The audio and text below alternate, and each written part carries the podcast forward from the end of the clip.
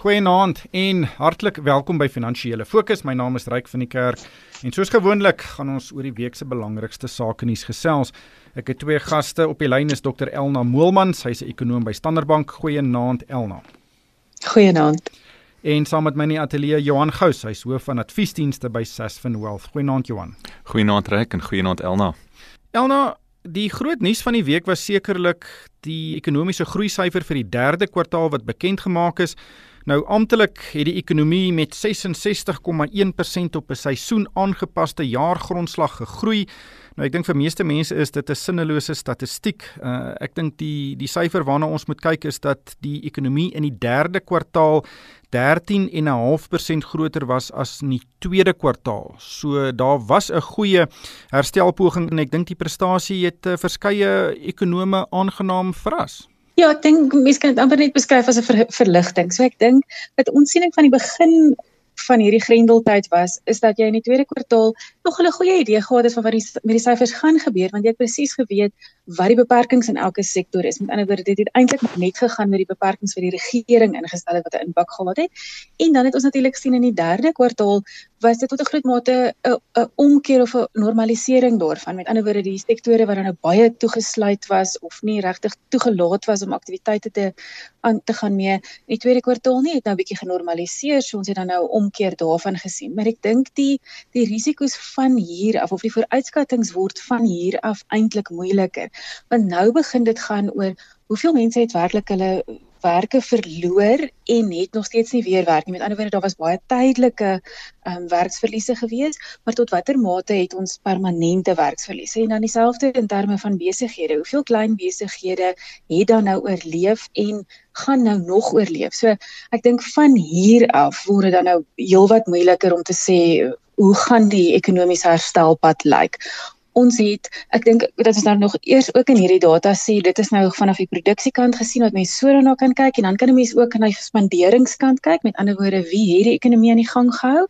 En daar was 'n bietjie van 'n positiewe momentum gewees spesifiek aan die verbruikerskant so dit was 'n bietjie sterker gewees as wat ons gedink het en die uitvoerkant was ook nog redelik sterk gewees en en en dit was dan nou die positiewe kant gewees maar aan die vaste ehm um, beleggingskant da, was dit 'n bietjie teleurstellend geweest en ek dink ongelukkig sê alles wat ons tot nou toe gesien het dat dit waarskynlik baie swak gaan wees. Ek dink investering gaan nie gou help om die ekonomiese herstel te bevorder nie. Ek dink dit gaan tyd neem, beide in terme van die um, regeringssektor en dan nou die private sektor.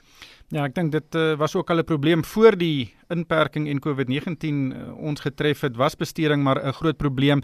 Maar Johan, jou gedagtes oor die syfers? Ryk, ons is nou uit 'n jaarlange resessie, maar dit uh, bly nog steeds maar uh, op lae ekonomiese vlakke wat ons hierna kyk. Jy weet die die sterk tweede kwartaal groei ehm um, wat ons nou gesien het, ehm um, of die, die sterk uh, groei wat ons in kwartaal 3 gesien het, het, het steeds nie opgemaak vir daardie werklike inkrimping wat ons in kwartaal 2 gesien het nie. Uh en en as ons gaan kyk na die vooruitsigte van die nasionale tesourie, weet uh, met die mediumtermynbegroting, dan sê dit vir ons dat as ons kyk na die volgende paar jaar se groei, dit ons 4 jaar gaan vat om terug te kom by 2019 se vlakke. En soos Elna ook genoem het, weet werkloosheid gaan bly styg. Ons was op 30.8% aan die einde van kwartaal 3 gewees, maar weens permanente werksverliese kan ons verwag dat hierdie werkloosheidssyfer gaan styg al herstel die ekonomie. En dan kleinhandelsyfers soos uh, Elna ook genoem het, daar is bietjie van 'n herstel maar die verbruiksvertroue bly nog steeds redelik swak. En dan ook deel ek haar kommer uh, rondom die kwessie van vaste investering. Jy weet ons praat van miljarde rande wat bewillig is op die president se beleggingsforums, maar dit wil net nie lyk of hierdie geld homself basies in die ekonomie uh, sien invloei nie. En dit is Suid-Afrika se enigste hoopryk om ons skuldkrisis aan te spreek en en dit is om ons ekonomie in die gang te kry en om die kapasiteit van ons ekonomie te groei. Elna, ons het nou hierdie 13,5% verbetering in die derde kwartaal gesien wat bemoedigend is. Maar hoe sien jy die hele herstel traject van ons ekonomie? Ons hopelik sien ons nou soortgelyke goeie prestasies in die 4de kwartaal uh, en dan ook aanstaande jaar dat dit voortgesit word. Hoe, hoe sien jy hierdie herstelpad wat ons ekonomie moet stap? Ja. So ek dink die eerste manier om na die data dan nou ook te kyk, om dit net in 'n bietjie konteks te sê, sien, is om te sê in die derde kwartaal was die ekonomie as ons dit dan vergelyk met 'n jaar voor dit 6.5% kleiner. As ons vir die eerste 3 kwartaale kyk, dan was dit 8.5% kleiner. So dit sê daarom vir jou die derde kwartaal weer eens het het 'n bietjie herstel getoon, maar dit is dan nou nog steeds in terme van 'n vergelyking met die met die periode voor die krisis ten minste 6.5% kleiner.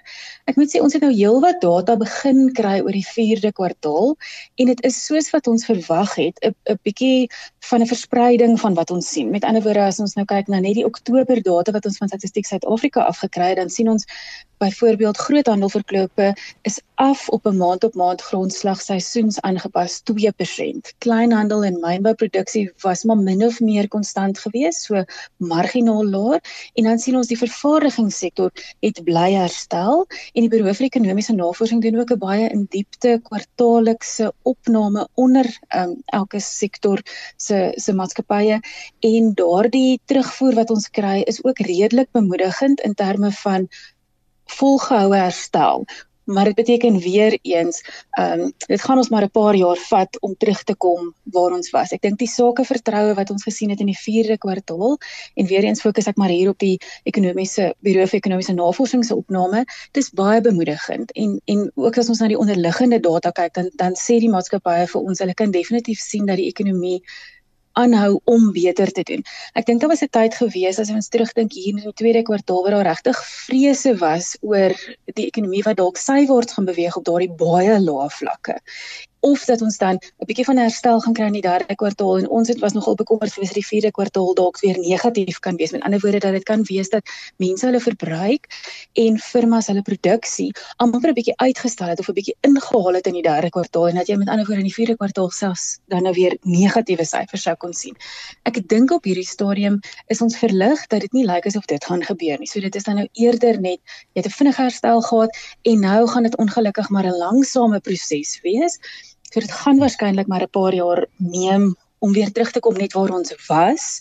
Dan is ons nog geensins besig om armoede en in diensname beter te maak as voor die krisis nie, maar maar ons is dan nou beter met daardie pad. En ek kan dalk net sê die een aanwyser, ons het nou amper bietjie daarna verwys waarop ons baie fokus op hierdie stadium en waar ons nogal bekommerd is is, is dan nou spesifiek die arbeidsmark. Met ander woorde, ons kyk na Standard Bank se kliënte en en wat ons sien hulle ervaar En daar's natuurlik ook soortgelyke ander opnames um, in die ekonomie en dis die een aanwyser wat eintlik ten beste maar maar sywaarts beweeg en ons het eintlik in Oktober gesien dat dit so 'n bietjie negatief was. So ek sou sê dit is ons een grootste kommer.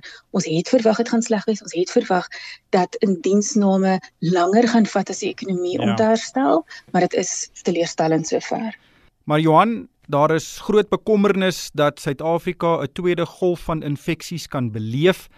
En indien daar nou 'n geweldige toename in infeksies is, sal daar weer strenger gerendeldheid maatreëls toegepas moet word. En dit kan hierdie herstelpogings se handrem reg optrek definitief ryk want ek dink wat Covid vir ons gewys het is daardie strukturele foutlyne wat ons het in ons ekonomie. Ons is skaars aan die begin om te her, begin herstel van die skade wat aangerig is in die laaste 4 of 5 maande en uh, ek dink dit gaan weer eens ons ons kom van 'n baie swak basis af ryk. So die regering gaan ons saglik versigtig moet wees met die die die hoeveelheid van beperkings wat hulle sal instel sou hulle besluit om weer na mates van vlak 3 en ek dink nie eers ons moet dink aan vlak 4 nie want ons ons kon nie die eerste keer eers vlak 5 bekostig nie wat nog van weer 'n vlak 4 na hierdie skade wat aangerig is so weet ons sal moet sien maar ek dink die regering sal hopelik meer pragmaties wees in die volgende ronde van wat hulle ook na kyk in terme van inperkings. Maar as ons nou weer in 'n vlak 3, 4 of 5 grendeltyd inbeweeg, gaan daar een groot verskil wees en dit is dat die werkloosheidsversekeringsfonds nie meer die sy tersbetalings kan maak aan mense wie se inkomste negatief geraak word nie. Daardie geld is net op en dit gaan bloed op die strate meebring. Definitief en uh, ongelukkig daarmee saam is daar baie vraagtekens oor hoe daai geld uh, op die einde van die dag toe uitbetaal is en baie mense wat dit so nodig gehad het, het dit nooit eens gekry nie. En dan praat ons van die R350 van die SASSA betalings wat gemaak is. So dit jy's reg daai pool van fondse is net so groot. En as ons weer gaan kyk na nog 'n paar maande van hierdie tipe van inperking en waar mense nie inkomste kan verdien nie, gaan dit weer eens geweldige druk veroorsaak en dan is 'n mens bekommerd oor sosiale onrus. Elna, ekonome gebruik altyd modelle. Het julle al enigsins 'n tweede strenger inperking tydperk ingewerk in modelle? O, ons het nie so in ons huidige vooruitskattinge is ons aanname nog dat sou die regering dan nou verdere beperkings instel, dink ons dit gaan area spesifiek wees en dit gaan op baie spesifieke aktiwiteite wees en ek dink tog gaan 'n baie sterk poging wees om om die ekonomiese aktiwiteit so min as moontlik te beïnvloed. So ons het in ag geneem dat daar 'n baie stelselmatige herstel is oor die algemeen, maar ons ons aanvaar nie dat daar weer nasionale inperkings gewees gaan wees nie, veral nie goed wat wat op ekonomiese aktiwiteite baie direkte impak gaan hê nie. Ja, hopelik is daar ook 'n baie meer pragmatiese benadering dat provinsies en en stede en dorpe selfs hulle eie uh, maatreëls kan in werking stel. Dit maak glad nie sin om die hele land toe te maak as daar net uh, probleme in die in die suid en in die uh, Oos-Kaap is nie. Maar Johan, te midde van wat gebeur het hierdie week waaroor ons nou net gesels het, hierdie rand taamlik verstewig ook tot onder die vlak van 15 rand teen die Amerikaanse dollar. Wat uh, ondersteun die wisselkoers? Ryk ja, ons is nou terug na omtrent vlakke van so middel Februarie net voor die COVID pandemie se werklikse impak op die markte gehad het. Ons ons het toe gaan draai so vroeg in April op R19.35 teen die dollar en waar ons nou is rondom R15 teen die dollar is dit omtrent 'n 23% versterking. Nou hierdie versterking kom as gevolg van uh, verskeie faktore ryk. Eerstens uh, die rand herstel nog steeds van oorverkoopte vlakke, dan is daar 'n baie baie positiewe handelsbalans en lopende rekeningsyfers ons gesien het. Ons het nou 'n rekord lopende rekening surplus gehad wat ons laas gesien het in die middel 80s. En dan ook net, jy weet, meer risiko-aptyd wêreldwyd as gevolg van jy weet die gesprekke rondom die moontlike teenmiddel en dan verdere stimulus.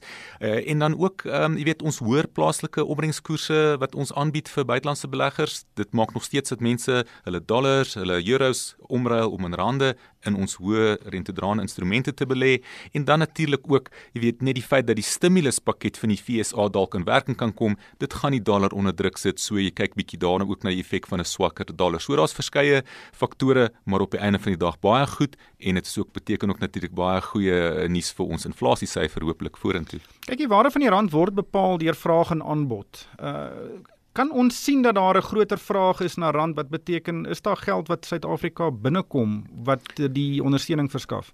Ryk definitief. Ons het vir die eerste paar maande van die jaar het ons uh, netto uitvloeye gesien van buitelandse beleggers spesifiek wat uh, hulle geld onttrek het. Ek dink ons ook maar te doen gehad met die kredietgraderings en baie kommer rondom ons uh, toenemende skuld. Maar toe het ons nou gesien dat met die meer positiewe sentiment wêreldwyd en die feit dat mense bereid was om 'n bietjie meer risiko te neem uh, op opkomende ma markte bateklasse en geldeenhede het ons toe gesien hoe buitelandse beleggers weer begin terugkom het en ons het netto invloeye in die laaste 2 maande gesien. Elna, hoe sien jy die wisselkoers? Ja, ek dink die een faktor van alles wat nou genoem is wat ek graag wil beklemtoon is daar kommoditeitspryse. So spesifiek ons uitvoer relatief tot ons invoer kommoditeitspryse wat op 'n rekordhoogte vlak is en ek dink dit verskaf geweldige groot ondersteuning aan die lopende rekening en die en die handelsbalans. So ek dink tot 'n groot mate behoort jou randsiening 'n funksie te wees van wat jy verwag met kommoditeitspryse gaan gebeur. So as hulle op hierdie sterk vlakke bly, dan dink ek die rand kan maklik sywaarts beweeg, dalk selfs 'n bietjie verstewig. Ons aanname is dat hierdie relatiewe kommoditeitspryse so uitvoere teenoor invoerpryse 'n bietjie gaan afplat, net nie op hierdie heeltemal rekordvlakke gaan bly nie. En dit sal dan nou beteken dat ons 'n klein bietjie minder ondersteuning vir die vir die rand sal hê. So ons gemiddelde vooruitskatting vir volgende jaar het nog nie verander nie. Ons sien dit al vir 'n geruime tyd op R15.40. Maar ek dink mens moet weer eens beklemtoon dit dit hang baie af van jou aannames wat jou rand vooruitskattings behoort te wees vir volgende jaar. So dink julle dat die rand is dalk nou sterker as sy billike waarde? Ek dink hy is nou 'n billike waarde vir waar ons nou is. Met ander woorde, sou kommoditeitspryse hier bly, dan dan behoort die rand ook hier te bly en dan dink ek kan 'n mens sien dat die rand heelwat kan verstewig. Ek dink daar's twee positiewe risiko's vir volgende jaar. Die een is dat ons verras gaan wees met hoe sterk kommoditeitspryse bly en die ander is dan nou dollar swakte. So daai is die twee faktore wat ek dink kan maak dat die rand baie stewiger opeindig as as ons voor, vooruitskatting. Maar ek dink weet ons siening op hierdie stadium is net dat jy dalk so 'n bietjie van 'n normalisering gaan sien in relatiewe kommoditeitspryse en dat die rand dan nou 'n bietjie gaan gaan verswak, maar dit is regtig 'n baie marginale verswakking as ons nou sê van huidige vlakke af gaan ons na so R15.40 toe um gemiddeld vir volgende jaar. Dan Johan het die Amerikaanse akkommodasiegroep Airbnb hierdie week genoteer. Nou die maatskappy is 13 jaar gelede eh, gekonseptualiseer deur drie kamermaats en vandag is hierdie maatskappy meer as 100 miljard dollar werd. Dis 'n ongelooflike suksesstorie. Dit is in die tydsberekening was eintlik perfek geweest want ons sien die hele tyd hoe wêreldmarkte weer nuwe rekordhoogtes slaan spesifiek in Amerika nou. Maar ehm um, ja, hy het op 68 dollar het hy genoteer. Hy het toe in die eerste dag al verhandel op 150 uh, dollar en dit het hom toe daai 100 miljard dollar waardering gegee wat baie interessant is ryk. Dit is dubbel die waarde van Marriott se markkapitalisasie, die grootste hotelgroep in die wêreld is. So dit skep net bietjie konteks van hoe fantastiese uh, verhaal hierdie eintlik is. Dis amper soos Tesla wat eh, 'n uh, groter markwaarde het as Toyota. Ja, nee, en en en waarheen gaan daai nog groei as ons kyk na waar ons is op pad teen is met groen energie ensovoorts. En dan net markte, dit lyk asof ons Kersfees loopie net nie einde kry nie. Die markte hierdie laaste kwartaal is regtig baie sterk. Korrek, ons het die eerste keer omtrent so 3 jaar terug die aan die 60000 vlak geraak met die Johannesburgse algemene aandele indeks. En uh, nou is ons basies weer daar, ons raak raak so amper daaraan.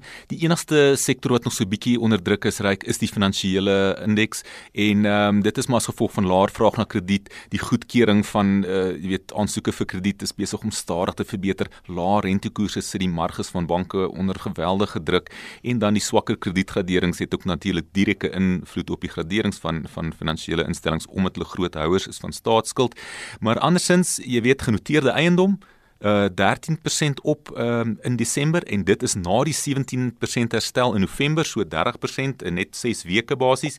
Maar tog vir my baie interessant reik hierdie wisselwerking wat plaasvind tussen hierdie teenmiddel wat ons nou voorhoop aan die een kant en tot watter mate gaan ons dan die stimulus van die Amerikaners nodig hê aan die ander kant en, en die wisselwerking tussen daai twee faktore is vir my interessant om dop te hou. Ek dink die groot risiko wat ons nou het is dat dalk die, die mark dalk bietjie ver vooruit hardloop in terme van die impak wat hulle wat die teenmiddel kan hê en wat dit vir ekonomiese groei en die herstel van verdienste kan beteken. Daar moet net bietjie meer versigtigheid wees rondom dit dink ek ons het gesien die afgelope paar jaar dat markte ooreageer ongelooflik en ek dink in 'n baie opsigte wat ons nou sien is dalk 'n ooreaksie. Korrek. Jy weet in 2008, 2009 met finansiële krisis het mense een les geleer. Hulle het gesê moenie die Federale Reservebank veg nie. As hulle 'n klomp stimulus gaan gooi, neem eerder deel aan die herstel. En ek dink wat hier gebeur het was markte het daai les gevat en baie vinniger begin weer terugklim in die mark en ons mag dalk sien dat daar weer op 'n stadium 'n terugsak kan kom. Ja, baie van daai geld het na Suid-Afrika toe gekom en seker een van die redes hoekom die wisselkoers uh,